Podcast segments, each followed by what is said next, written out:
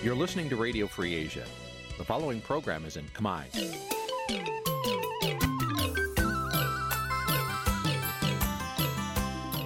នេះជាកម្មវិធីផ្សាយ Vuthu Azizi Serai នេះជាកម្មវិធីផ្សាយរបស់ Vuthu Azizi Serai ជាភាសាខ្មែរ Vuthu Azizi Serai សូមស្វាគមន៍លោកអ្នកនាងទាំងអស់ពីរដ្ឋធានី Washington នៃសហរដ្ឋអាមេរិកចាប់ ពីរដ្ឋធានី Washington នាងខ្ញុំម៉ៃសុធានីសូមជម្រាបសួរលោកអ្នកស្ដាប់ទាំងអស់ជាទីមេត្រីចាយើងខ្ញុំសូមជូនការផ្សាយសម្រាប់ព្រឹកថ្ងៃសុក្រ10កើតខែមិញឆ្នាំឆ្លូវត្រីស័កពុទ្ធសករាជ2565ហើយដល់ត្រូវនៅថ្ងៃទី11ខែកុម្ភៈគ្រិស្តសករាជ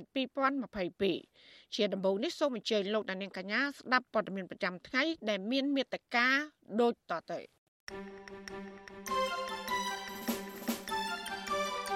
លោកស្រីសំសុខាបង្ខំចិត្តខ្ចីបុលគេដើម្បីបង់ប្រាក់ពិន័យ10លានរៀលរបបសឹកយោធាភូមិមិនទាន់បញ្ជាក់ពីការបញ្ជូនតំណាងដែលមិនមែនជាអ្នកនយោបាយមកចូលរួមកិច្ចប្រជុំរដ្ឋមន្ត្រីអាស៊ាននៅឡើយក្រុមអ្នកខ្លំមើលជំរុញឲ្យសហរដ្ឋអាមេរិកជ្រើសយកទីតាំងផ្សេងពីសេតវិមាន ដើម្បីរៀបចំកិច្ចប្រជុំកំពូលអាស៊ានអាមេរិក អ្នកខ្លំមើលមិនរំពឹងថាកម្ពុជា អាចរួចខ្លួនពីចំណាត់ថ្នាក់ពូកែខាងរំលោភច្បាប់ នៅឆ្នាំ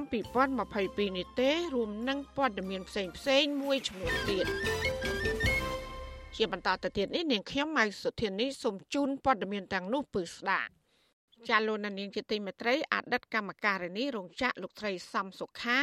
មិនទុកចិត្តមន្ត្រីតុលាការដែលមិនព្រមចេញមកកាន់ដៃថ្លៃលោកស្រីបង់ប្រាក់ពិន័យ10លានរៀលឬស្មើ2500ដុល្លារអាមេរិកជូនតុលាការដើម្បីកុំឲ្យជាប់ពន្ធនាគារ6ខែថែមទៀត ថ្លែងប្រាប់វិទ្យុអសីស្រីក្រោយការបងប្រាក់គ្រប់ចំនួន កាលពីថ្ងៃទី10ខែកុម្ភៈលោកត្រីសំសុខាថានេះគឺជារឿងចម្លែកនិងមិនប្រក្រតីដែលមន្ត្រីតុលាការបានទទួលប្រាក់គ្រប់ចំនួនពីលោកស្រីហើយប៉ុន្តែមិនបានចេញលិខិតបញ្ជាក់អ្វីសោះចាលោកមុងណារ៉េតរាយការណ៍ព័ត៌មាននេះ រឿងមិនប្រក្រតីដំបូងកើតឡើងចំពោះលោកស្រីសំសុខាពាក់ព័ន្ធនឹងការដែលមន្ត្រីតុលាការចាប់បង្ខំនឹងគម្រាមលោកស្រីឲ្យរកប្រាក់មកបង់តុលាការជាបន្ទាន់ដោយគ្មានការអនុគ្រោះឬក៏លើកលែងអ្វីទាំងអស់បើមិនដូច្នេះទេលោកស្រីនឹងត្រូវជាប់គុក6ខែបន្ថែមទៀតទៅលើការជាប់ពន្ធនាគារគ្រប់ចំនួនកំណត់4ឆ្នាំពេញរួចមកហើយនោះលោកស្រីសំសុខាវ័យ43ឆ្នាំ ដែលទៅចេញពីពន្ធនាគារកាលពីថ្ងៃទី9ខែកុម្ភៈក្រោយបំពេញគ្រប់លក្ខខណ្ឌកំណត់នៃទោសរយៈពេល4ឆ្នាំពេញនោះត្រូវបង្ខំចិត្តរកប្រាក់ឲ្យគ្រប់ចំនួនដើម្បីបង់តឡាការភ្លាមភ្លាមកាលពីថ្ងៃទី10ខែកុម្ភៈនោះក៏ប៉ុន្តែអ្វីដែលជាបញ្ហាមិនប្រក្រតីមួយទៀតដែលកើតឡើងចំពោះលោកស្រី គឺមន្ត្រីតឡាការយកលេសមិនចេញក្រដាស់បញ្ជាក់ថ្លៃបង់ប្រាក់នេះដោយលោកស្រីអះអាងថាមន្ត្រីតុលាការនោះថាជាក្រិតក្រមនឹងនីតិវិធីតុលាការដែលគេធ្វើតែអញ្ចឹង គេថាអំណាចនៃប្រព័ន្ធតុលាការរបស់គេគេនឹងមិនមានមិនមានចេញជាក្រដាស់បញ្ជាក់ថាយើងនឹងបានបង់លុយចំនួន10លានបាននេះគេមិនអាចចេញឲ្យបាននេះគេប្រាប់តែប៉ុណ្ណឹងលោកស្រីហួសចិត្តនឹងមិនយល់អំពីនីតិវិធីតុលាការបែបនេះនោះទេលោកស្រីចោទជាសំណួរថាតើឲ្យលោកស្រីទុកចិត្តតុលាការយ៉ាងដូចម្តេចបានបើគ្មានលិខិតបញ្ជាក់អ្វីមួយសន្លឹកសោះបែបនេះលោកស្រីថាប្រាក់ដែលបង់តុលាការនោះទៀតសោតមិនមែនជាប្រាក់លោកស្រីទេ ព្រោះជីវភាពលោកស្រីខ្វះខាតមិនមានលទ្ធភាពរកប្រាក់ឯណាបានសន្ធឹកនៅក្នុងរយៈពេលដ៏ខ្លីបែបនេះនោះឡើយក្នុងពេលជាមួយគ្នានេះលោកស្រីក៏គ្មានសមត្ថភាព ដើម្បីខ្ចីលុយគេនោះដែរព្រោះអ្នករកស៊ីចងការប្រាក់ឯកជនគេយកការប្រាក់ខ្ពស់រហូតដល់ក្នុងលុយ1000ដុល្លារគេយកការប្រាក់100ដុល្លារនៅក្នុងមួយខែ ក៏ប៉ុន្តែលោកស្រីបន្តថានៅទីបំផុតម្ដាយមីងរបស់លោកស្រីបានបេះបោចប្រាក់សន្សំសម្រាប់ទុកព្យាបាលរបួសភ្នែករបស់ប្តីម្ដាយមីងនោះយកមកឲ្យលោកស្រីខ្ចីដើម្បីបង់តឡាការព្រោះមិនចង់ឃើញលោកស្រីរងភាពអយុត្តិធម៌ដោយត្រូវជាប់គុកច្រើនខែទៀតនោះទេដោយសារគាត់មិនចង់ឃើញអាខ្លាចលោកគេចាត់ក្មួយទៀតចឹងណាខ្លាចលោកគេដាក់ក្មួយ6ខែទៀតចឹងហើយលុយនោះគាត់សគួរទុកព្យាបាលភ្នែកដីគាត់ទៀតណាបងមិនមែនធម្មតាណា ផ្នែកដីគាត់ហ្នឹងក៏ខូចដែរចា៎លោកស្រីសំសុខាត្រូវតឡាការកាត់ទោស2ដង ម្ដងកាត់ទោសដោយកំបាំងមុខកាលពីឆ្នាំ2017ឲ្យជាប់គុក2ឆ្នាំពីបទញុះញង់ឲ្យមានការរើសអើងនឹងពិន័យជាប្រាក់5លានរៀលលោកស្រីបានភៀសខ្លួនទៅប្រទេសថៃក៏ប៉ុន្តែត្រូវបានអាជ្ញាធរថៃចាប់បញ្ជូនមកកម្ពុជាវិញតាមការស្នើរបស់រដ្ឋាភិបាលលោកហ៊ុនសែននៅឆ្នាំ2018 ក្រោយត្រូវបានបញ្ជូនមកដល់កម្ពុជា អ្នកស្រីត្រូវបានតុលាការកាត់ទោសថែម2ឆ្នាំទៀតពីបទជេរប្រមាថនិងពិន័យជាប្រាក់5លានរៀលទៀតបទចោទទាំងនេះកើតមានឡើងក្រោយលោកស្រីកាលពីឆ្នាំ2017បានដោះស្បែកជើងគប់លើស្លាកគណៈបកប្រជាជនកម្ពុជា ដែលមានរូបលោកនាយរដ្ឋមន្ត្រីហ៊ុនសែននិងលោកហេងសំរិន ដែលជាអនុប្រធានរដ្ឋសភា និងជាប្រធានកិត្តិយសគណៈបកកណ្ដាលអំណាចនិងក្រោយមក កាលនៅប្រទេសថៃលោកស្រីបានបង្ហោះសារលើ Facebook រិះគន់ថ្នាក់ដឹកនាំរដ្ឋាភិបាលលោកហ៊ុនសែន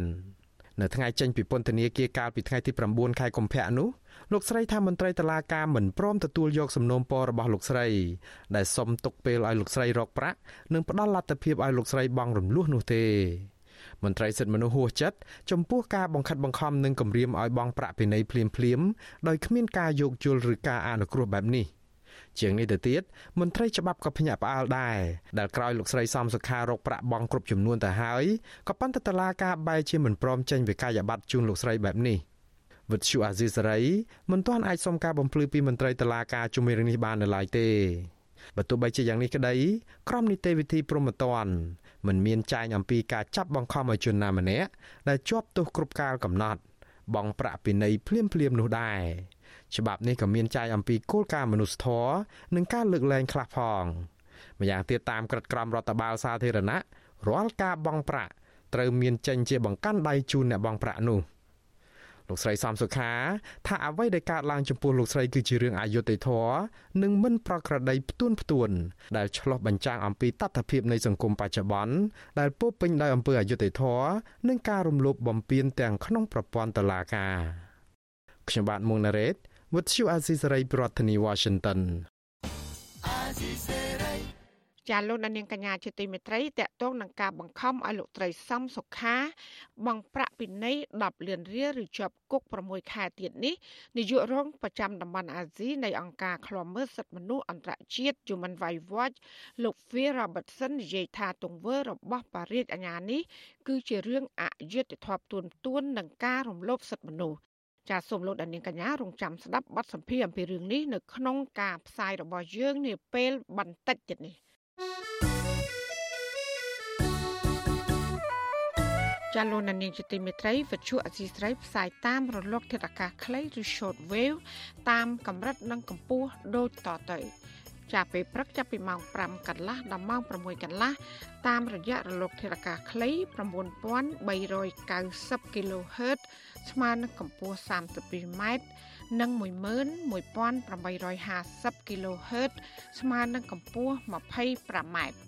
ចាស់សម្រាប់ពេលយប់ចាប់ពីម៉ោង7កន្លះដល់ម៉ោង8កន្លះគឺតាមរយៈរលកធាតុអាកាសខ្លី9390 kHz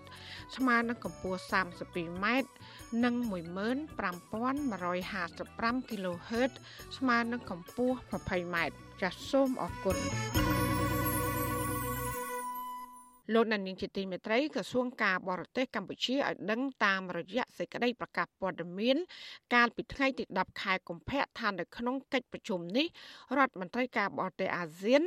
នឹងពិនិត្យមើលឡើងវិញនៅការសម្រេចនានារបស់ថ្នាក់ដឹកនាំអាស៊ាន នៅក្នុងកិច្ចប្រជុំកំពូលអាស៊ានកាលពីឆ្នាំកន្លងទៅ។ ក្រុមមន្ត្រីជាន់ខ្ពស់អាស៊ានក៏នឹងផ្លាស់ប្តូរទស្សនៈដើម្បីរិះរកវិធីសាស្ត្រផ្សេងៗកសាងសហគមន៍អាស៊ានមួយ ដែលកាន់តែធន់រឹងមាំឡើង ប្រកបដោយធម្មពលសន្តិភាព និងវិបុលភាពរដ្ឋមន្ត្រីការបរទេសលោកប្រាក់សុខុនក៏នឹងជម្រាបជូនអង្គប្រជុំពីសមិទ្ធផលសំខាន់សំខាន់ដែលកម្ពុជាចង់សម្រេចបានក្នុងអំឡុងពេលតែជាប្រធានអាស៊ាន កម្ពុជាបានជ្រើសយកមូលបត់អាស៊ានរួមគ្នា ដើម្បីដោះស្រាយបញ្ហាប្រឈមទាំងអស់គ្នាក្នុងការឆ្លើយតបទៅនឹងបញ្ហាប្រឈមដែលជាយុទ្ធសាស្ត្រកំពុងកើតឡើងនៅក្នុងតំបន់ក្នុងនោះរួមមានការគ្រប់គ្រងជំងឺ Covid-19 ប្រកបដោយប្រសិទ្ធភាពការប្រកួតប្រជែងភូមិសាស្ត្រនយោបាយនិងបញ្ហាសន្តិសុខនៅក្នុងតំបន់ជាដើម អ្នកនាំពាក្យក្រសួងការបរទេសកម្ពុជាលោកជុំសុននារីប្រាប់វិទ្យុអសិរ័យតាមបណ្ដាញសង្គម Telegram នៅថ្ងៃទី10ខែកុម្ភៈថារហូតមកដល់ពេលនេះ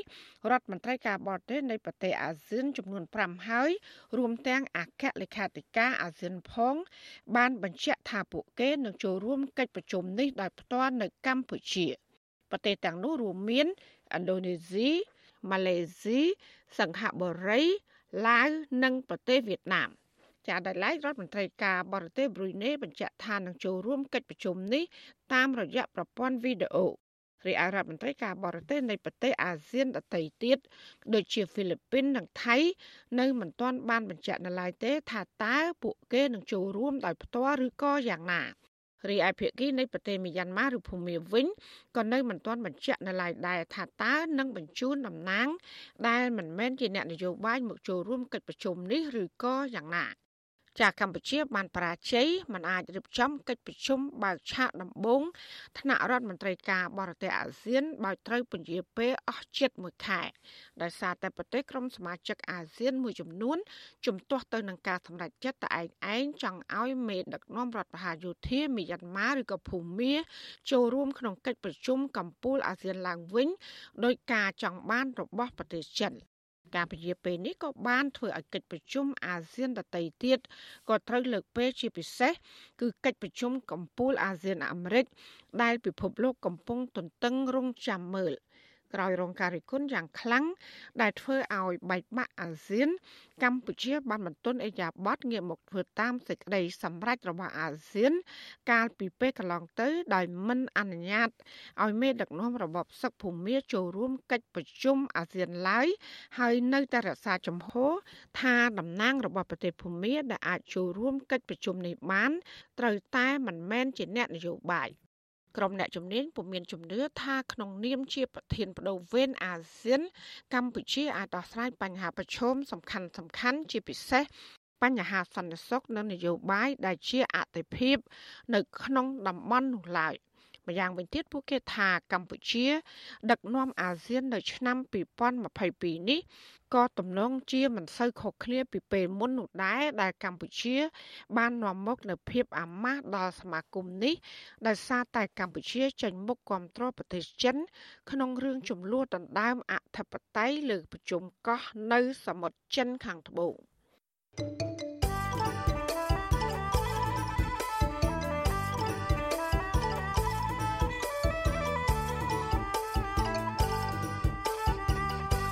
ចាលោកណានីងជាទីមេត្រីក្រុមអ្នកខ្លំមើលមួយចំនួនផ្ដល់ទស្សនៈថាសហរដ្ឋអាមេរិកគួរតែជ្រើសយកទីតាំងផ្សេងខុសពីសេតវិមានប្រធានាធិបតីក្នុងការរៀបចំកិច្ចប្រជុំកំពូលពិសេសអាស៊ានអាមេរិក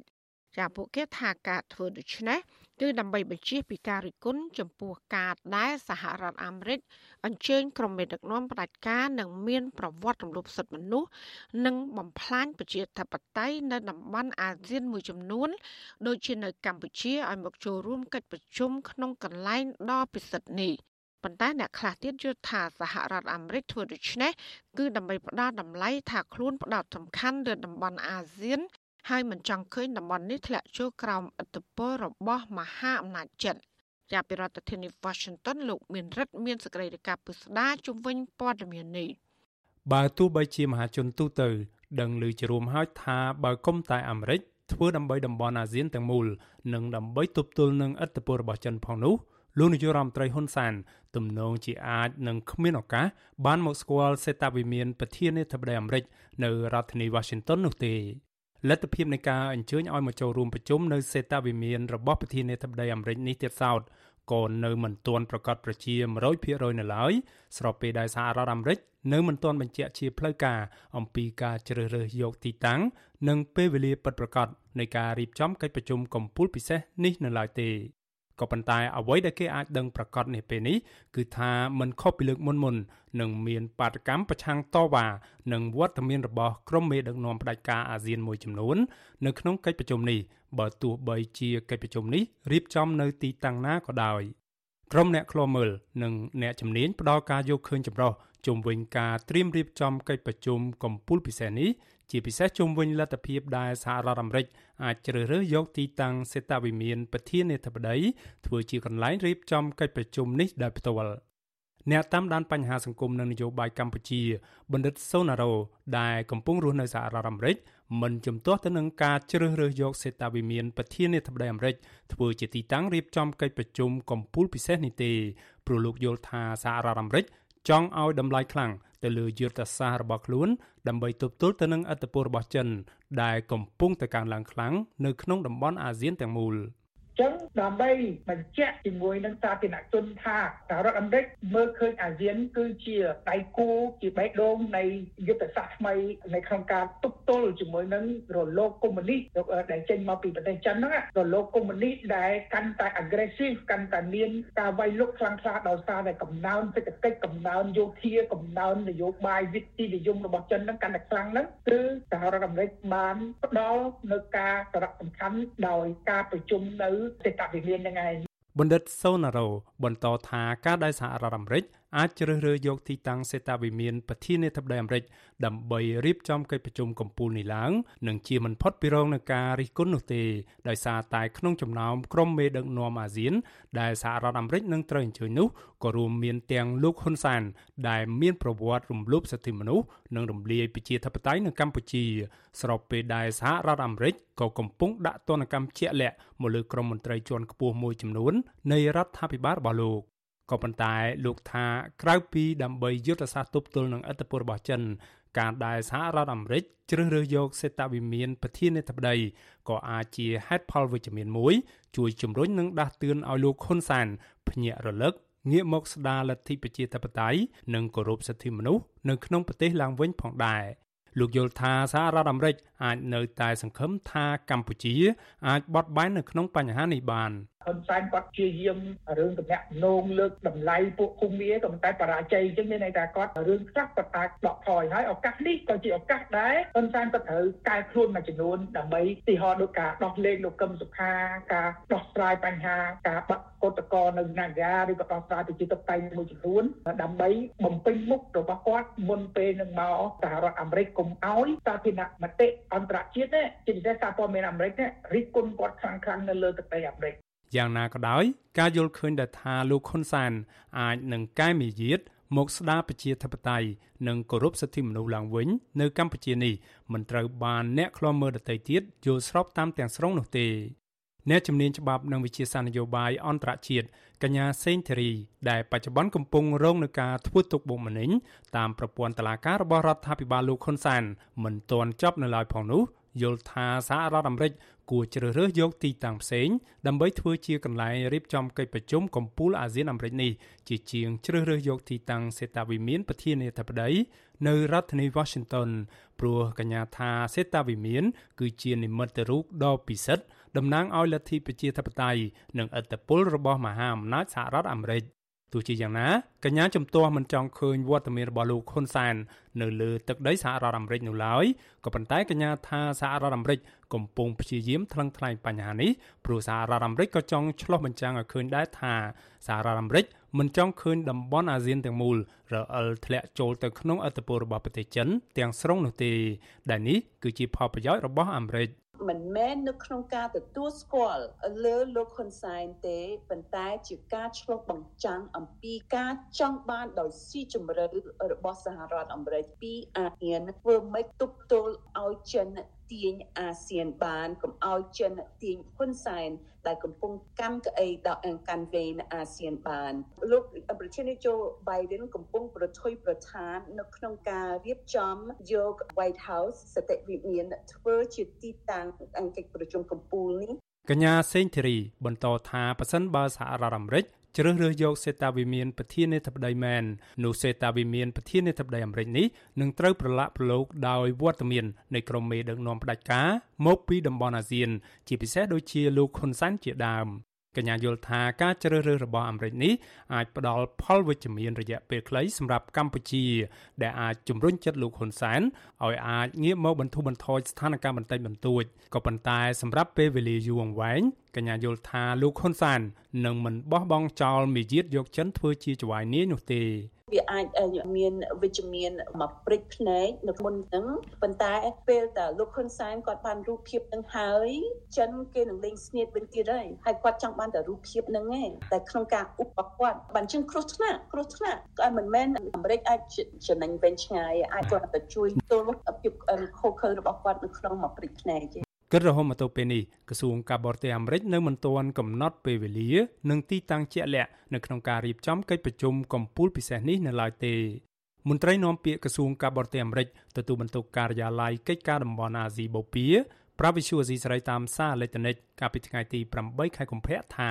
លោកប្រធានាធិបតី Joe Biden នឹងស្វាគមន៍ក្រុមមេដឹកនាំអាស៊ាន នៅរដ្ឋធានី Washington ដើម្បីចូលរួមកិច្ចប្រជុំកំពូលពិសេសអាស៊ានអាមេរិកដែលនឹងប្រព្រឹត្តទៅនារយៈពេលប្រមាណខែខាងមុខនេះយ៉ាងណាក៏ដោយអ្នកនាំពាក្យរូបនោះសង្កត់ធ្ងន់ថាសហរដ្ឋអាមេរិកនៅតែព្រួយបារម្ភចំពោះដំណើរធាក់ថយក្រោយនៃសិទ្ធិមនុស្សសេរីភាពនិងការប្រឆាំងអំពើពុករលួយនៅកម្ពុជា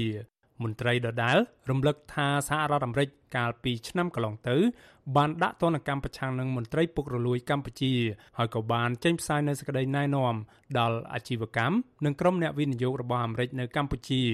ឲ្យប្រយ័ត្នប្រយែងចំពោះការធ្វើអាជីវកម្មដែលអាចពាក់ព័ន្ធទៅនឹងសកម្មភាពរំលោភសិទ្ធិមនុស្សនិងសកម្មភាពឧក្រិដ្ឋដទៃទៀតនៅកម្ពុជា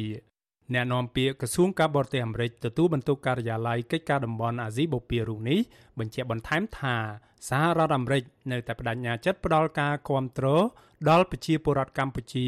និងបំណងប្រាថ្នារបស់ពួកគេនៅក្នុងការចង់ឃើញប្រទេសកម្ពុជាមួយប្រកបដោយវិបុលភាពប្រជាធិបតេយ្យនិងឯករាជ្យពិតប្រាកដដែលសម្លេងពីគ្រប់ភាគីពាក់ព័ន្ធត្រូវបានដឹងឮនិងគោរពព្រមទាំងអព្យាក្រឹតនិងស្វ័យភាពរបស់កម្ពុជាទាំងមូលត្រូវបានការពារ ខ្ញុំបាទមេរិត Visual C ស្រីរាយការណ៍ពីរដ្ឋធានី Washington លោកដានៀងកញ្ញាកំពុងស្ដាប់ការផ្សាយរបស់វិទ្យុអាស៊ីសេរីផ្សាយចេញពីរដ្ឋធានី Washington ចាអ្នកវិភាគអ្នកសិទ្ធិមនុស្សនិងអ្នកច្បាប់មិនរំពឹងថាកម្ពុជានឹងអាចរួចខ្លួនពីចំណាត់ថ្នាក់ខាងពូកែរំលោភច្បាប់ហើយដែលអង្គការគម្រោងយុត្តិធម៌ពិភពលោកបានចាត់ថ្នាក់ឲ្យនោះឡើយសម្រាប់ឆ្នាំ2022នេះ តើមូលហេតុអ្វីបានជាពួកគេអះអាងយ៉ាងដូចនេះចាសសូមលោកនាងកញ្ញារងចាំស្ដាប់សេចក្តីរាយការណ៍ពុស្ដាពីរឿងនេះនៅក្នុងការផ្សាយរបស់យើងនាពេលបន្តិចទៀតនេះ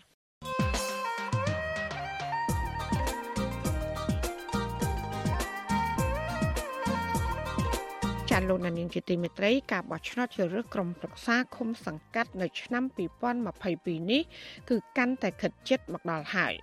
សង្គមស៊ីវិលនិងអ្នកវិភាគសង្គមមើលឃើញថាវិបត្តិនយោបាយនៅកម្ពុជា គឺនៅមិនទាន់ដោះស្រាយហើយបរិយាកាសនយោបាយវិញក៏នៅមិនទាន់អំណោយផលដល់គណៈបកនយោបាយប្រឆាំងដើម្បីចូលរួមការបោះឆ្នោតប្រកបដោយភាពសេរីនិងយុត្តិធម៌នៅឡើយ តើរដ្ឋាភិបាលឯកបកត្រូវដោះស្រាយបញ្ហាអ្វីខ្លះដើម្បីធានា ថាការប្រកួតប្រជែងការបោះឆ្នោតនាពេលខាងមុខគឺប្រកបដោយសេរីត្រឹមត្រូវនិងយុត្តិធម៌ចាលោកនាងកញ្ញានឹងបានស្ដាប់ការបកស្រាយរបស់អ្នកជំនាញកិច្ចការបោះឆ្នោតនិងអ្នកវិភាគសង្គមនៅក្នុងនីតិវេទិកាអ្នកស្ដាប់វិទ្យុអសីស្រីជំវិញបញ្ហានេះនៅរាត្រីថ្ងៃសុក្រនេះកំបីអខាន។ ចាបើសិនជាលោកណានៀងមានសំណួរឬក៏ចង់សាកសួរភ្ញៀវរបស់យើងដោយផ្ទាល់លោកណានៀងអាចដាក់លេខទូរស័ព្ទរបស់លោកអ្នកនៅក្នុងខ្ទង់ comment ឬក៏ប្រអប់សារ Messenger Facebook និង YouTube របស់វិទ្យុអាស៊ីសេរីចាក្រុមការងាររបស់យើងនឹងហៅទៅលោកណានៀងវិញចាសូមអរគុណ thank you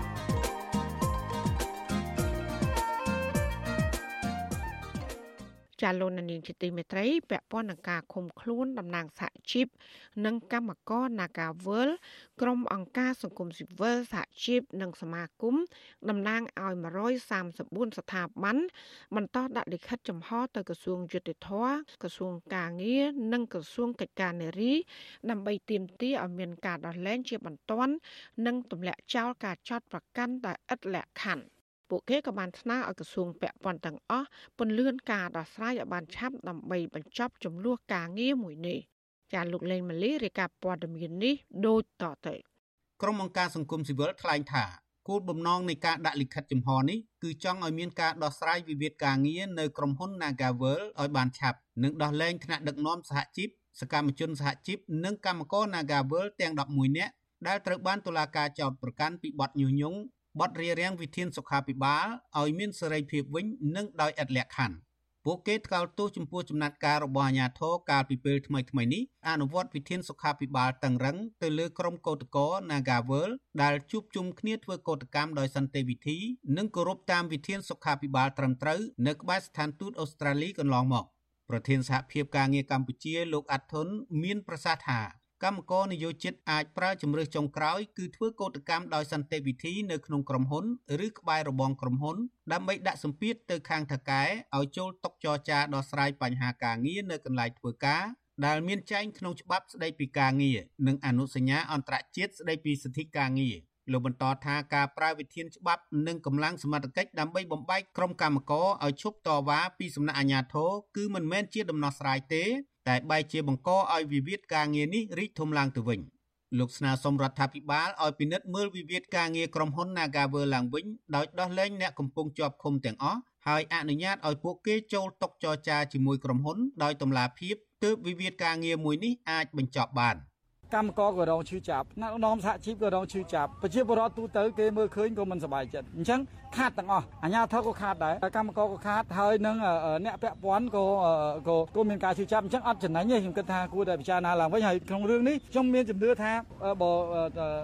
ការចោតប្រកាន់ហើយឲ្យពួកគេមកធ្វើការចរចារឿងនេះអាចបញ្ចប់បានហើយឈ្នះទាំងអស់គ្នាមានន័យថាឈ្នះឈ្នះកម្មករក៏ឈ្នះរដ្ឋាភិបាលក៏ឈ្នះតឡាការក៏ឈ្នះឈ្នះទាំងអស់គ្នាហើយចាប់ពីពេលនេះទៅគឺយើងក៏មិនចង់ឃើញនៅសកម្មភាពការចោតប្រកាន់ការគម្រាមកំហែងបែបនេះទៅលើសកម្មភាពផ្សេងទៀតដូចជាការធ្វើកុតកម្មរបស់កម្មករនៅកន្លែងផ្សេងទៀតហើយក៏ដូចជានៅផ្នែកអីផ្សេងទៀតដែរ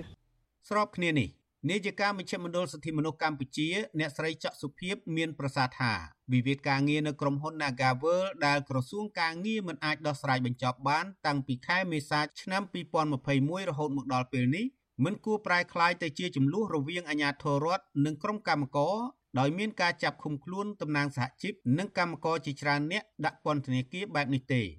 អ្នកស្រីស្នើសុំអាជ្ញាធរឲ្យដោះលែងតំណាងសហជីពនិងកម្មករទាំង11នាក់ឲ្យមានសេរីភាពហើយបន្តដោះស្រាយវិវាទការងារនេះដោយសន្តិវិធីនិងតាមច្បាប់ស្តីពីការងារ។ យើងគួរតែពង្រួមបញ្ហានេះឲ្យតូចជាជាងពង្រីកបញ្ហានេះឲ្យធំហើយខ្ញុំសង្ឃឹមថាចុងក្រោយនោះសម្រាប់យើងជាអង្គការសង្គមស៊ីវិលតំណាងសហជីពក៏យើងចង់ឃើញនៅដំណោះស្រាយដូចគ្នាខ្ញុំបានជួបអាជ្ញាធរជាច្រើននៅពេលដែលខ្ញុំចុះសង្កេតការឬក៏ជួបដាក់លិខិតនឹងក៏គាត់លើកដូចគ្នាដែរថាគាត់ចង់ឃើញដំណោះស្រាយយើងជាខ្មែរយើងត្រូវមានដំណោះស្រាយយើងអាចដោះស្រាយជាមួយគ្នាបានអញ្ចឹងខ្ញុំសង្ឃឹមថាពាក្យដែលយើងអាសានិយាយថាខ្មែរអាចធ្វើបាននោះគឺខ្មែរអាចដោះស្រាយបញ្ហាជាមួយគ្នាដោយមិនមានការចោទប្រកាន់មិនមានការចាប់ខ្លួនសកម្មជនហើយយើងធ្វើយ៉ាងម៉េចយកនៅវិធានមួយដែលមានផលប្រយោជន៍សម្រាប់ពលរដ្ឋហើយដែលពលរដ្ឋគាត់អាចទទួលនៅផលប្រយោជន៍ពីការអភិវឌ្ឍដែលយើងតែងតែប្រកាសថាយើងចង់ឃើញនៅការអភិវឌ្ឍហើយនឹងសន្តិភាពសម្រាប់ប្រទេសនេះចា៎គិតមកដល់ពេលនេះមានតំណាងសហជីពសកម្មជនសហជីពនិងកម្មករ Nagavel សរុប11នាក់ហើយដែលត្រូវបានតុលាការក្រុងភ្នំពេញចោទប្រកាន់និងឃុំខ្លួនដាក់ពន្ធនាគារក្នុងនោះ មានតំណាងសហជីព8នាក់កំពុងជាប់ឃុំក្នុងពន្ធនាគារព្រៃសរក្រោមបទចោទញុះញង់បង្កឲ្យមានភាពវឹកវរធ្ងន់ធ្ងរដល់សន្តិសុខសង្គមជុំវិញសកម្មភាពធ្វើកោតកម្មនៅក្បែរក្រុមហ៊ុន Nagavel កម្មករ3នាក់ទៀតជាប់ឃុំក្នុងពន្ធនាគាររាជធានីភ្នំពេញពេលស៊ីក្រោមបទចោទរារាំងវិធានសុខាភិបាលតាមមាត្រា11នៃច្បាប់ប្រយុទ្ធប្រឆាំងជំងឺ Covid-19 ក្រុមកោតក្រដែលជាបុគ្គលិកកម្មករនៅក្រុមហ៊ុនបនលបែង Nagavel ឲ្យដឹងថា ពួកគេនឹងជួបជុំគ្នាធ្វើកោតកម្មដោយអហិង្សាបន្តទៀតក្រោយពីធ្វើចាត់តល័យស័កនៅផ្ទះចប់តាមការណែនាំរបស់ក្រសួងសុខាភិបាលពួកគេបញ្ជាក់ថាការតវ៉ានៅពេលខាងមុខគឺទាមទារឲ្យមានការដោះលែងតំណាងសហជីព8នាក់និងកម្មករ3នាក់ពីពន្ធនាគារដើម្បីឲ្យពួកគេវិលចូលតុចរចាដោះស្រាយបញ្ចប់វិវាទការងារជាមួយក្រុមហ៊ុនត្រឹមត្រូវតាមច្បាប់ដោយភាពស្មោះត្រង់យុត្តិធម៌និងតម្លាភាព។ ខ្ញុំបាទលេងម៉ាលីវិទ្យុអស៊ីសេរីរាយការណ៍ពីរដ្ឋធានី Washington លោកអ្នកស្ដាប់ទទីមេត្រីប្រជាប្រដ្ឋនិងសង្គមស៊ីវិលនៅតែបន្តស្នើឲ្យរដ្ឋាភិបាល និងអាជ្ញាធរអនុវត្តច្បាប់ឲ្យបានតឹងរឹងក្នុងការគ្រប់គ្រងជនជាតិចិន ដែលបានល្មើសច្បាប់ប្រកបដោយប្រសិទ្ធភាព។ការលើកឡើងនេះគឺដោយសារតែអាញាធរបង្ក្រាបបានអ ுக ្រិតជនជនជាតិចិន ជាបន្តបន្ទាប់ដូចជាករណីចាប់ចម្រិតទាប្រាក់ និងការកាន់កាប់អាវុធខុសច្បាប់ជាដើមចាលោកទីនតាក្រាយារីកាព័ត៌មាននេះពីរដ្ឋធានី Washington ប្រជាប្រដ្ឋនិងសង្គមស៊ីវិលលើកឡើងថាការរស់នៅច្រកក្រោមស្លាកសន្តិភាពក្នុងសម័យតេជោប្រជាប្រដ្ឋភៀសច្រើននៅមិនទាន់មានភាពកក់ក្ដៅគ្រប់គ្រាន់នៅឡើយទេក្នុងការធានាសុវត្ថិភាពដល់ប្រជាពលរដ្ឋជាម្ចាស់ប្រទេសនោះប្រជាប្រដ្ឋម្នាក់រស់នៅរាជធានីភ្នំពេញបារម្ភពីជោគវាសនាធនធានមនុស្សនៅកម្ពុជានិងបារម្ភពីកូនកូនរបស់លោកស្រីរងផលប៉ះពាល់ពីឥទ្ធិពលគ្រឿងញៀន លោកស្រីបន្តថាបញ្ហាអសន្តិសុខនិងករណីបាញ់បោះគ្នាដោយសេរីនៅតាមទីសាធារណៈក៏ជាកង្វល់មួយសម្រាប់ប្រជាពលរដ្ឋទូទៅគឺពួកគេកំពុងរស់នៅក្នុងភាពភ័យខ្លាចក៏មានកូនចៅអីជំនាន់ក្រោយអីចឹងណាហើយចេះព្រួយចឹងទៅវាឃើញក្មេងក្មេងខ្លះវាផឹកគ្រឿងញៀនផឹកអីទៅដល់ពេលនេះចឹងមិនមានបញ្ហាក្នុងគ្រួសារចេះបារម្ភចេះចឹងណាជាពលរដ្ឋមានការព្រួយបារម្ភបាក់ចិត្តចឹងដែរហ្នឹងមិនបាក់តិចទេបាក់ខ្លាំងប៉ុណ្ណឹងធ្វើម៉េច ប្រហាក់ប្រហែលគ្នាដែរសកម្មជនសង្គមតែងតែឈឺឆ្អាលរឿងប្រទេសជាតិលោកកើតចរាយលើកឡើងថាប្រសិនបើរដ្ឋាភិបាលគ្រប់គ្រងជនអន្តោប្រវេសន៍គ្មានប្រសិទ្ធភាពបណ្ដោយឲ្យក្រុមអក្រិតជនយកទឹកដីខ្មែរជាកន្លែងចម្រិតមនុស្សបង្កអសន្តិសុខសង្គមបាញ់បោះដោយសេរីនោះកម្ពុជានឹងទទួលរងឥទ្ធិពលកាន់តែអាក្រក់និងធ្វើឲ្យប្រជាពលរដ្ឋដែលជាម្ចាស់ស្រុករស់នៅទាំងក្តីបារម្ភពីសុវត្ថិភាពលោកសង្កេតឃើញថាករណីបដអក្រិតសាហាវសាហាវកើតឡើងជាបន្តបន្ទាប់មកនេះ ក៏ធ្វើឲ្យប៉ះពាល់ដល់សេដ្ឋកិច្ចជាតិដោយសារតែគ្មានការធានាសន្តិសុខសុវត្ថិភាពសម្រាប់អ្នកដែលមកវិនិយោគដោយសុចរិតនៅប្រទេសកម្ពុជាហើយវាឆ្លោះបញ្ចាំងពីសង្គមយើងទាំងមូលនឹងថាអត់ទាន់សមនឹងអ្វីដែលខាងរដ្ឋាភិបាលតែងតែថាយើងសន្តិភាពឯណាពីព្រោះសន្តិភាពវាត្រូវកើតចេញពីសន្តិភាពផ្លូវកាយផងហើយនិងសន្តិភាពផ្លូវចិត្តផងប៉ុន្តែបើមើលពីភាពអសន្តិសុខទាំងហ្នឹងអាហ្នឹងគឺវាអត់ទាន់អាចធ្វើឲ្យផ្លូវចិត្តរបស់ប្រជាពលរដ្ឋហ្នឹងសន្តិភាពនៅឡើយទេ ប្រតិកម្មនេះកើតឡើងបន្ទាប់ពីសមត្ថកិច្ចរាជធានីភ្នំពេញចុះឡោមព័ទ្ធបង្ក្រាបបានជនជាតិចិនជាង100នាក់ក្នុងក្លឹបកំសាន្តមួយឈ្មោះ ML Club ស្ថិតនៅក្នុងសង្កាត់ផ្សារដើមថ្កូវខណ្ឌចំការមនកាលពីពេលថ្មីថ្មីនេះដែលពួកគេបានប្រព្រឹត្តបទល្មើសបង្កភាពចលាចលប៉ះពាល់ដល់បរិវត្តមូលដ្ឋានស្នងការរងរាជធានីភ្នំពេញលោកប៊ុនសុសិក្ខាប្រាប់វិទ្យុអសិរ័យថាលោកមិនបានដឹងរឿងនេះទេពីព្រោះលោកថាការចុះបង្ក្រាបនោះកងកម្លាំងរាជអាវុធហត្ថជាអ្នកចុះបង្ក្រាប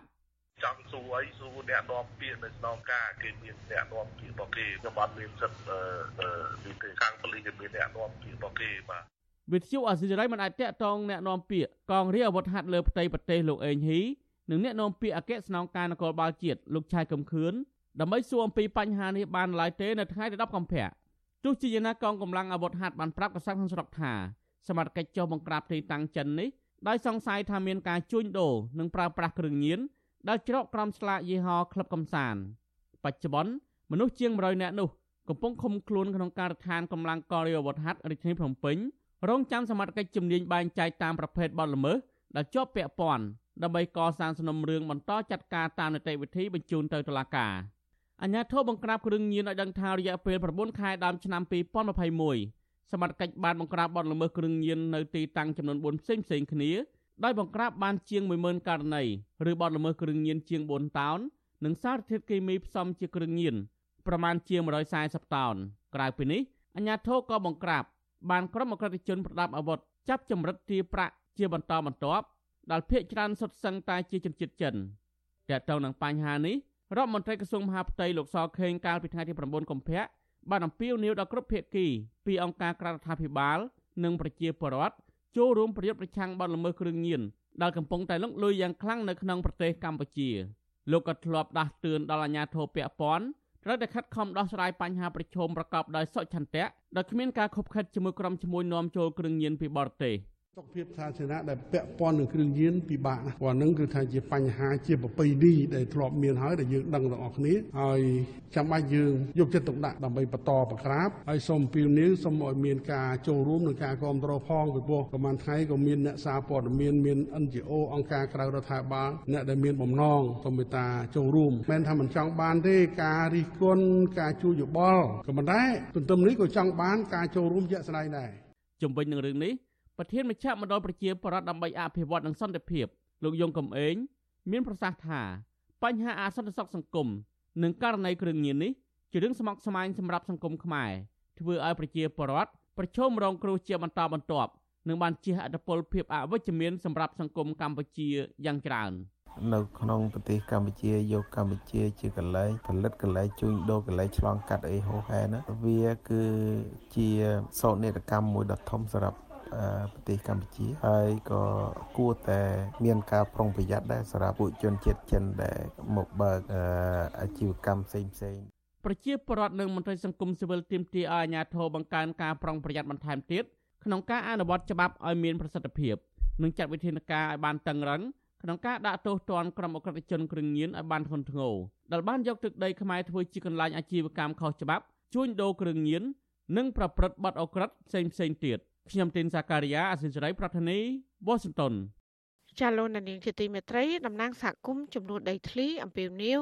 ឲ្យតឡាការផ្ដល់យុត្តិធម៌ជូនដល់ពួកគាត់ក្រោយពីបានបើកសវនាការជំនុំជម្រះក្តីពេញមួយព្រឹក កាលពីថ្ងៃទី10ខែកុម្ភៈម្សិលមិញតំណាងសហគមន៍មានចំនួនដីធ្លីម្នាក់គឺអ្នកស្រីសេងលីន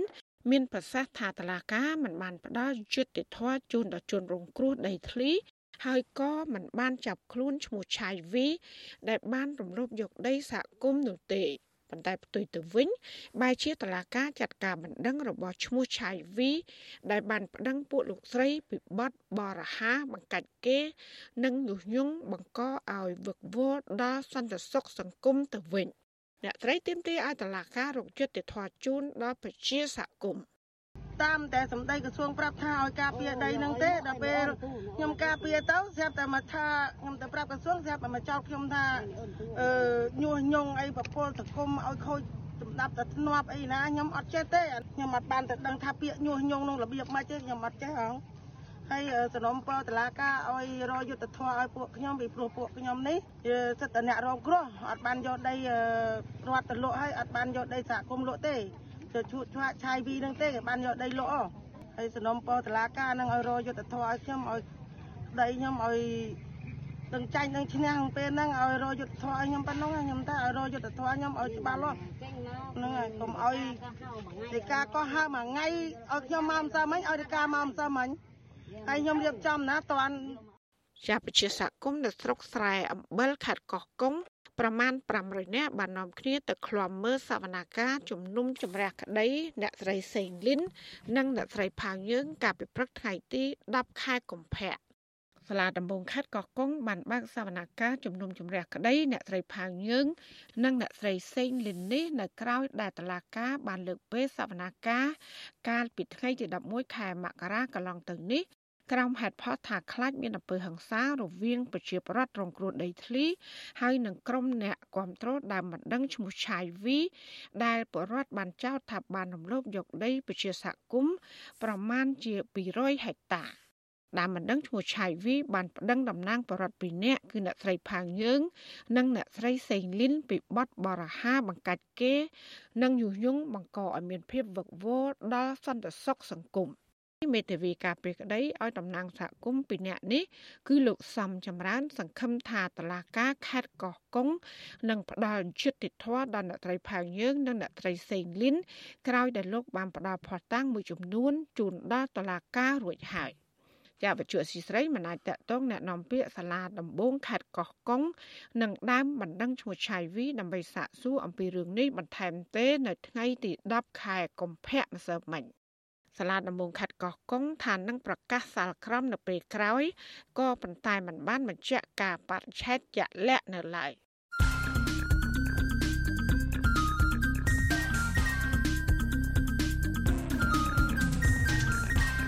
បតសំភារ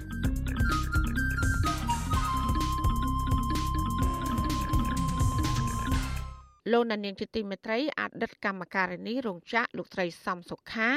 ដែលទៅត្រូវបានដោះលែងពីពន្ធនាគារបានខ្ចីបុលគេដើម្បីរកប្រាក់បង្ផាកពិន័យចំនួន10លានរៀលតែឲ្យបរិយាញ្ញាហើយថាបើសិនជាលោកស្រី មិនមានប្រាក់បង្ផាកពិន័យជូនរដ្ឋនោះទេនឹងត្រូវចាប់បង្ខំដាក់ពន្ធនាគាររយៈពេល6ខែឡើងវិញ។ ចាលោកស្រីសំសុខាត្រូវបានអាជ្ញាធរកម្ពុជា ចាប់ខ្លួនបញ្ជូនត្រឡប់ពីប្រទេសថៃមកកម្ពុជាវិញ កាលពីឆ្នាំ2018ហើយកាត់ទោសឲ្យជាប់ពន្ធនាគារ4ឆ្នាំ ពីបទជេរប្រមាថនិងបទញុះញង់ក្រោយដែលលោកស្រី បានយកស្បែកជើងគប់រូបថតលោកនាយករដ្ឋមន្ត្រីហ៊ុនសែននៅលើស្លាកសញ្ញាគណៈបកប្រជាជនកម្ពុជា នាយករងប្រចាំតំបន់អាស៊ីនៃអង្គការឃ្លាំមើលសិទ្ធិមនុស្សអន្តរជាតិ Human Rights Watch លោក Phil Robertson និយាយថាការបង្ខំឲ្យលោកត្រីសំសុខាបង់ប្រាក់ផាកពិន័យគឺជារឿងអយុត្តិធម៌ផ្ទួនផ្ទួននិងជាការរំលោភសិទ្ធិមនុស្សចាលោកជីវតាមានបទសម្ភាសជាមួយលោក Phil Robertson ជំវិញរឿងនេះដូចតទៅបាទសូមជម្រាបសួរលោក Phil Robertson ក្រោយពីជាប់ពន្ធនាគារអស់រយៈពេល4ឆ្នាំនៅខេត្តកំពង់ស្ពឺពីបទយកស្បែកជើងគប់ស្លាកសញ្ញាគណៈបកប្រជាជនកម្ពុជា ដែលមានរូបថតលោកនាយករដ្ឋមន្ត្រីហ៊ុនសែនកាលពីឆ្នាំ2017នោះលោកស្រីសំសុខាដែលជាអតីតកម្មការិនីរោងចក្រក៏ត្រូវបានដោះលែងនៅថ្ងៃទី9កុម្ភៈប៉ុន្តែលោកស្រីត្រូវបានព្រីអាជ្ញាបង្ខំឲ្យបង់ប្រាក់ផាកពិន័យចំនួន10លានរៀល បើមិនដូច្នោះទេត្រូវជាប់ពន្ធនាគាររយៈពេល6ខែទៀតទោះជាយ៉ាងណាលោកស្រីសំសុខាបានបង្ខំចិត្តខ្ចីលុយគេយកមកប្រគល់ឲ្យព្រីអញ្ញាអស់ហើយប៉ុន្តែរឿងនេះលោកយល់ឃើញយ៉ាងណាដែរបាទ Well, Cambodian courts use excessive fines as a roundabout way to increase the length of prison terms because they know that តុលាការកម្ពុជា ប្រើប្រាស់រូបភាពនៃការផាកពិន័យច្រើនហួសកម្រិត ដើម្បីជាលេសបង្កើនរយៈពេលនៃការជាប់ពន្ធនាគារព្រោះពួកគេដឹងថាមនុស្សដូចជាលោកស្រីសំសុខាគ្មានមធ្យោបាយណារកប្រាក់យ៉ាងសន្ធឹកសន្ធាប់បែបនេះមកបង់តុលាការនោះទេការកាត់ទោសលោកស្រីទៀតសោតក៏ជារឿងលេងសើចហើយបង្ហាញឲ្យឃើញអំពីវិធីដែលលោកនាយករដ្ឋមន្ត្រីហ៊ុនសែនប្រើប្រាស់ប្រព័ន្ធតុលាការជាលបែងដោះស្រាយរឿងក្តីក្តាំជាមួយអ្នកដែលហ៊ានធ្វើឲ្យគាត់បាក់មុខ ទោសបន្ថែម6ខែបន្ថែមទៀតពីការមិនមានលទ្ធភាពបង់ពីនេះគឺគ្រាន់តែជាការបន្ថែមការឈឺចាប់បន្ថែមទៅដល់ជនរងគ្រោះក្នុងករណីរំលោភសិទ្ធិមនុស្សតាំងពីដើមទីមកនោះតែប៉ុណ្ណោះប៉ុន្តែលោកស្រីសំសុខាគួរតែមានមោទនភាពព្រោះមនុស្សច្រើនណាស់នៅតែសោចឲ្យតែឃើញរូបវីដេអូគប់ស្បែកជើងនោះ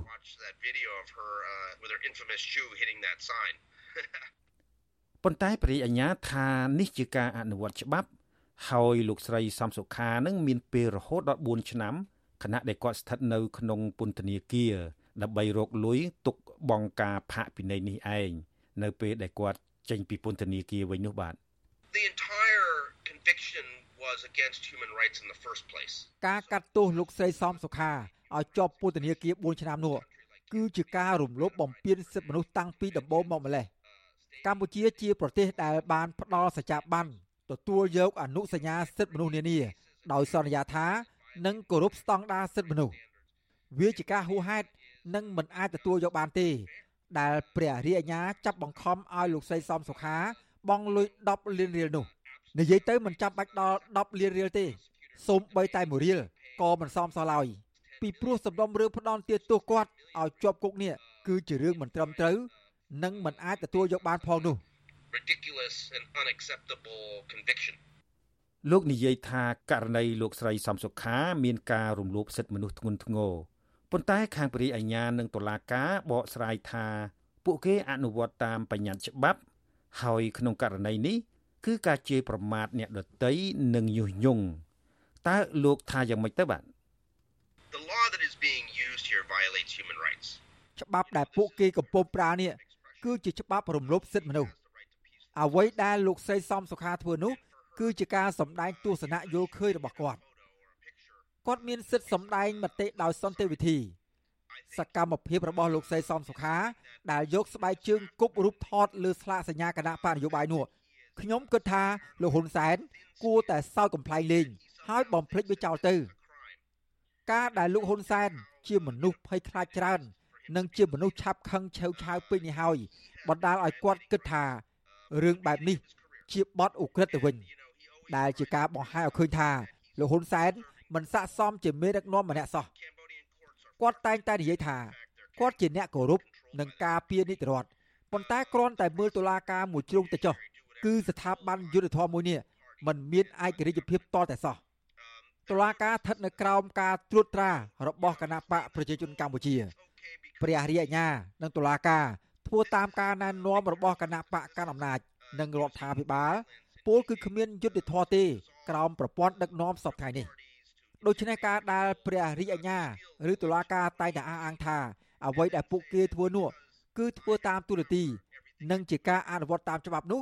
វាគ្រាន់តែជាយុទ្ធធរសម្រាប់អ្នកឈ្នះប៉ុណ្ណោះដែលជាការប្រាហឹង្សា និងការបោកបញ្ឆោតដើម្បីរំលែកគណៈបកនយោបាយគេ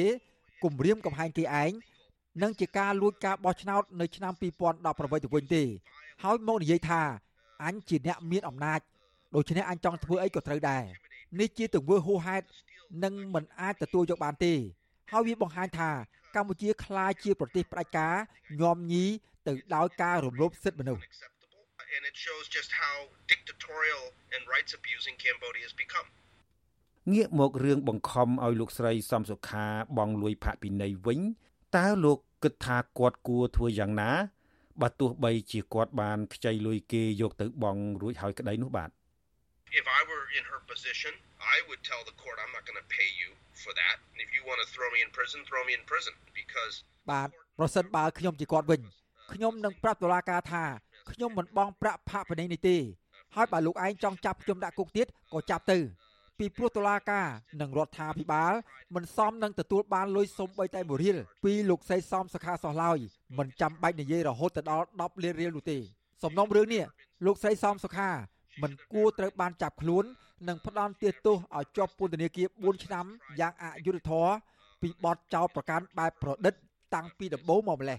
she never should have been arrested, much less tried and convicted on this bogus charge in the first place. ចាលោកនាងកញ្ញាទៅបានស្ដាប់បទសភារវាងលោកជីវតានិងលោក Phil Robertson នាយករងប្រចាំតំបន់អាស៊ីនៃអង្គការឃ្លាំមើលសិទ្ធិមនុស្សអន្តរជាតិ Human Rights Watch អំពីលោកស្រីសំសុខាដែលត្រូវបានបរិយាអាជ្ញាខេត្តកំពង់ស្ពឺ បង្ខំឲ្យបង់ប្រាក់ផាកពិន័យ10លានរៀលក្នុងរយៈពេលតែមួយថ្ងៃ ឬក៏ត្រូវចាប់បង្ខំឲ្យជាប់ពន្ធនាគារ6ខែថែមទៀត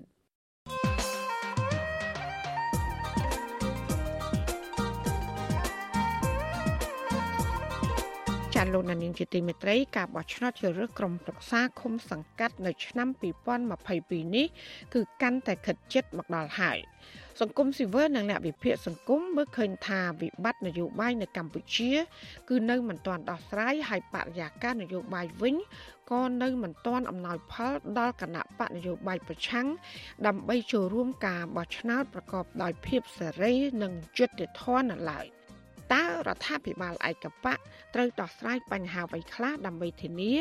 ថាការប្រកួតប្រជែងការបោះឆ្នោតនាពេលខាងមុខគឺប្រកបដោយសេរីត្រឹមត្រូវនិងយុត្តិធម៌ចាលោកនាងកញ្ញានឹងបានស្ដាប់ការបកស្រាយ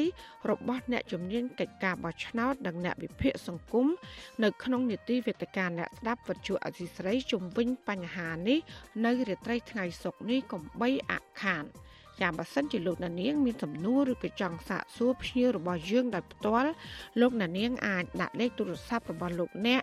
នៅក្នុងខ្ទង់ comment ឬក៏ប្រអប់សារ Messenger Facebook និង YouTube របស់វិទ្យុអាស៊ីសេរីចាក្រុមការងាររបស់យើងនឹងហៅទៅលោកណានៀងវិញចាសូមអរគុណ thank you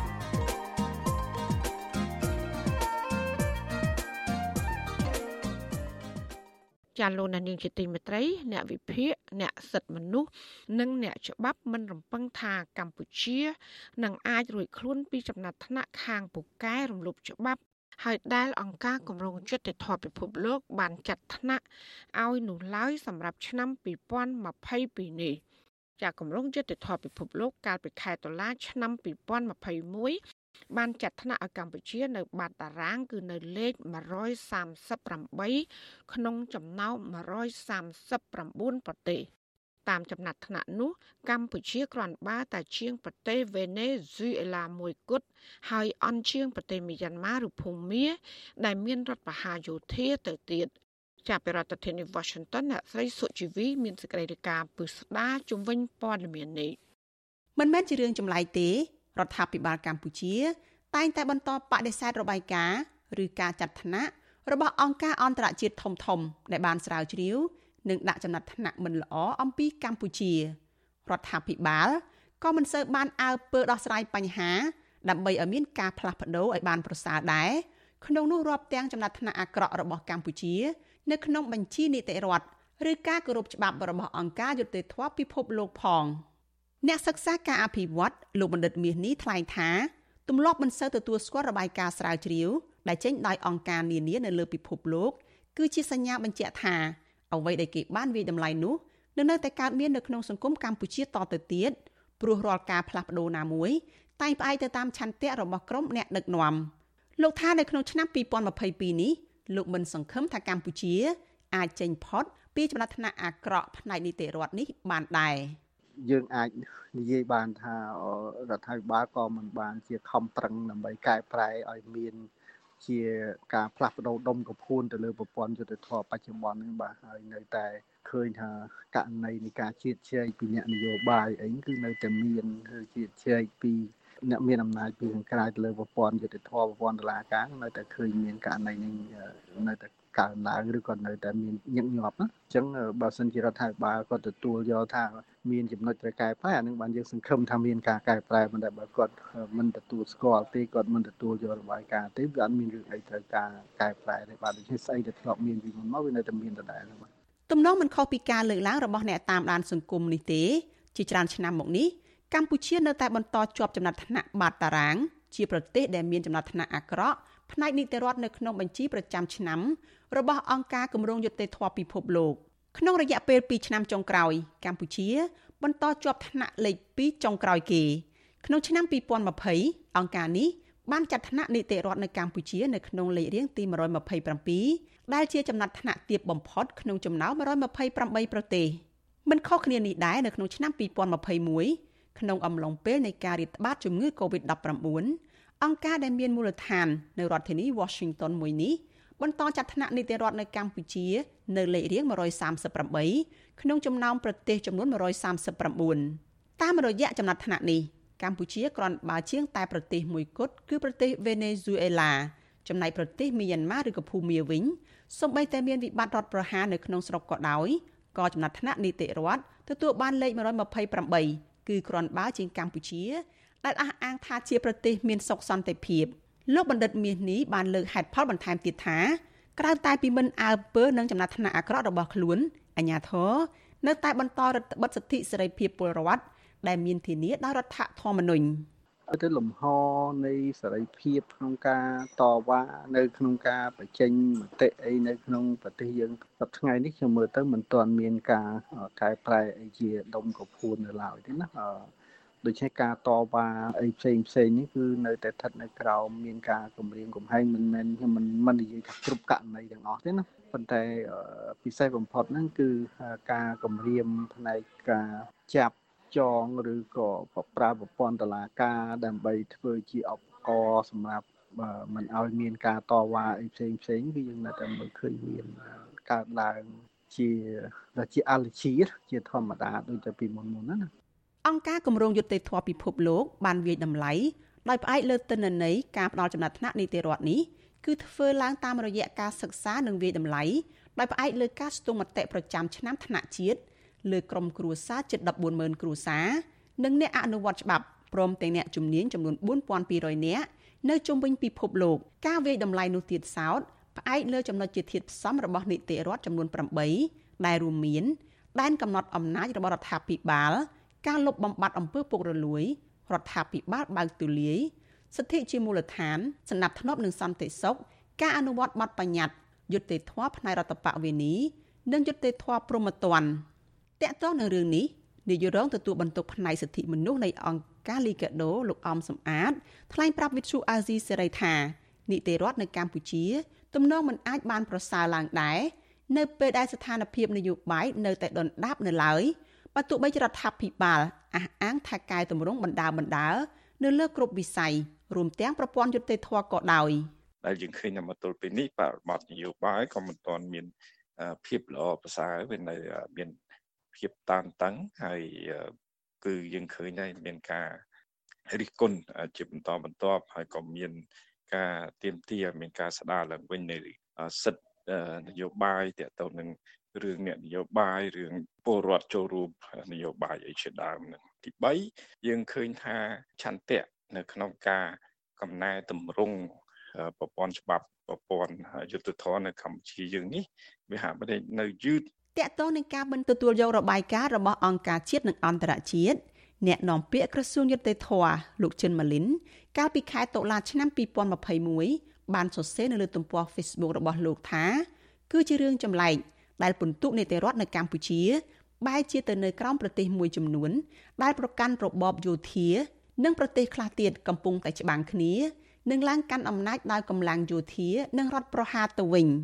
លោកថែមទាំងអះអាងថានឹងណាត់ជួបនិងជជែកជាមួយនាយកថ្នាក់តំបន់និងក្រុមការងាររបស់អង្គការគម្រោងយុត្តិធម៌ពិភពលោក ពីវិធីសាស្ត្រនិងការវិយតម្លៃរបស់ពួកគេ តែទោះជាយ៉ាងណា នៅពេលអ្នកយកព័ត៌មានរបស់វិទ្យុអាស៊ីសេរី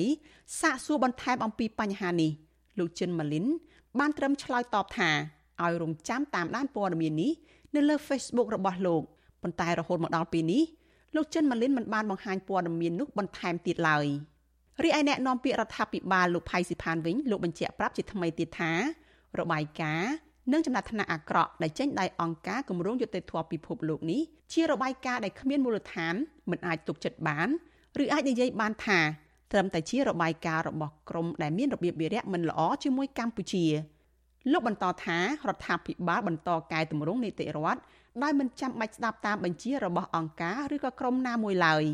ភាសាដែលអាក្រក់បំផុតហ្នឹងយើងអត់ឈឺក្បាលមួយអង្គការនោះទេយើងធ្វើដើម្បីអនាគតរបស់កូនចៅយើងដើម្បីសង្គមជាតិយើង អ្វីមិនដែលតែយើងមិនឈឺក្បាលជាមួយអង្គការដែលដាក់លេខយើងទៅមកពីព្រោះតាមអ្វីដែលយើងមើលក្នុងការប្រៀបធៀបជាមួយនឹងការចំណាត់ថ្នាក់ប្រទេសតទៅទៀតហើយយើងដឹងថាប្រទេសហ្នឹងមិនមាននីតិរដ្ឋទេហេតុម៉េចបានប្រទេសហ្នឹងខ្ពស់ជាងប្រទេសកម្ពុជាយើងមិនចេញឈ្មោះទេប្រទេសនោះដូច្នេះកន្លែងទៅនឹងជាការលំអៀងមួយទោះជាយ៉ាងណាប្រធានក្រុមអ្នកច្បាប់និងទីប្រឹក្សាអមរិនលោកមេធាវីសុកសំអឿនវិញមើលឃើញថា កម្ពុជាពិបាកនឹងធ្វើឲ្យប្រព័ន្ធតុលាការនិងប្រព័ន្ធយុតិធធស្ថិតនៅឯករាជ្យណាស់ព្រោះកម្ពុជាមានប្រព័ន្ធគ្រប់គ្រងដែលតម្រូវឲ្យជ្រើសរើសអ្នកតំណាងរាស្ត្រមន្ត្រីរដ្ឋាភិបាល និងមន្ត្រីតុលាការដែលនៅក្រោមអំណាចរបស់គណៈបកនយោបាយស្ថាប័នរដ្ឋយើងសប្តាហ៍ទុយទៅនឹងតែគោលការណ៍លទ្ធិប្រជាធិបតេយ្យសេរីយើងរួមគឺអត់មានការបែងចែកអំណាចធម៌ដូចយើងសភាតំណាងរាម្នាក់ម្នាក់គឺបើបាត់សមាជិកភាពពិបាក គឺគាត់ក៏បាត់បង់អាសនៈរបស់តំណាងរាដែរចំណុចទាំងហ្នឹងគឺដោយសារវាមានច្បាប់ក្នុងស្រុកយើងយើងយកគោលការណ៍តាមប្រព័ន្ធសមាមាត្រតំណាងរាស្ត្រម្នាក់ម្នាក់គឺមិនមែនជាតំណាងរាស្ត្រប្រជារាស្ត្របោះឲ្យទេគឺបោះឲ្យប្រជារាស្ត្របោះឲ្យបកទេតែអញ្ចឹងនាំឲ្យតំណាងរាស្ត្រនឹងខ្លាចមានបកជាងមានបកខ្លាចតំណាងរាស្ត្រអង្គការជាតិនិងអន្តរជាតិផ្ដល់អនុសាសន៍ថាក្នុងស្ថានភាពបច្ចុប្បន្ននេះកម្ពុជាត្រូវចាប់ផ្ដើមជាបន្ទាន់នៃការអនុវត្តរបបប្រជាធិបតេយ្យសេរីពហុបកពិតប្រាកដ គោរពសិទ្ធិមនុស្សបញ្ឈប់រាល់ការធ្វើទុកបុកម្នេញផ្នែកនយោបាយធានាឲ្យពលរដ្ឋគ្រប់និន្នាការអាចអនុវត្តសិទ្ធិសេរីភាពមូលដ្ឋានធានាឯករាជ្យរបស់ស្ថាប័នកម្ពុជារបស់ជាតិទៅតាមអ្វីដែលមានចែងនៅក្នុងរដ្ឋធម្មនុញ្ញនិងបទដ្ឋានច្បាប់នានាដែលកម្ពុជាទទួលស្គាល់យកមកអនុវត្តនោះនឹងអាចជួយឲ្យពិន្ទុនីតិរដ្ឋរបស់កម្ពុជា បានប្រសើរជាមិនខាននាងខ្ញុំសុជីវីវិទ្យុអាស៊ីសេរីពីរដ្ឋធានី Washington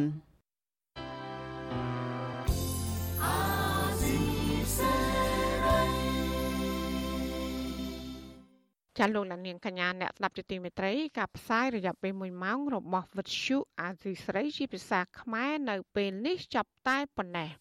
ចាយើងខ្ញុំទាំងអស់គ្នាសូមជូនពរលោកលានាងនិងក្រុមគ្រួសារទាំងអស់សូមជួបប្រកបតែនឹងសេចក្តីសុខសេចក្តីចម្រើន ជានិរន្តរ៍ចានាងខ្ញុំម៉ៅសុធានីព្រមទាំងក្រុមការងារទាំងអស់របស់អាស៊ីស្រីសូមអរគុណនិងសូមជម្រាបលា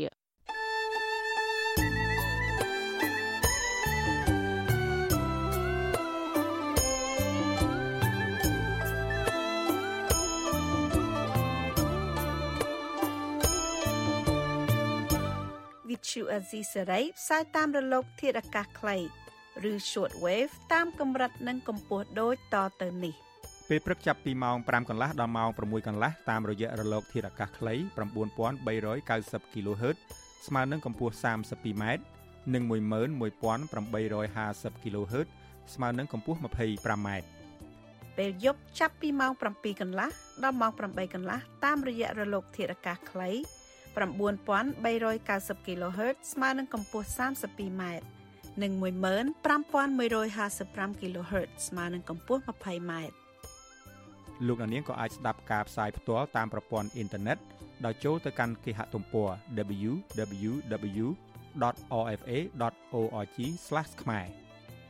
ក្រៅពីនេះ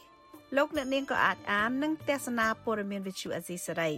លើទូរស័ព្ទដៃរបស់លោកអ្នកផ្ទាល់ សូមលោកអ្នកនាងចូលទៅកាន់បណ្ដាញសង្គម Facebook ដែលមានអាសយដ្ឋាន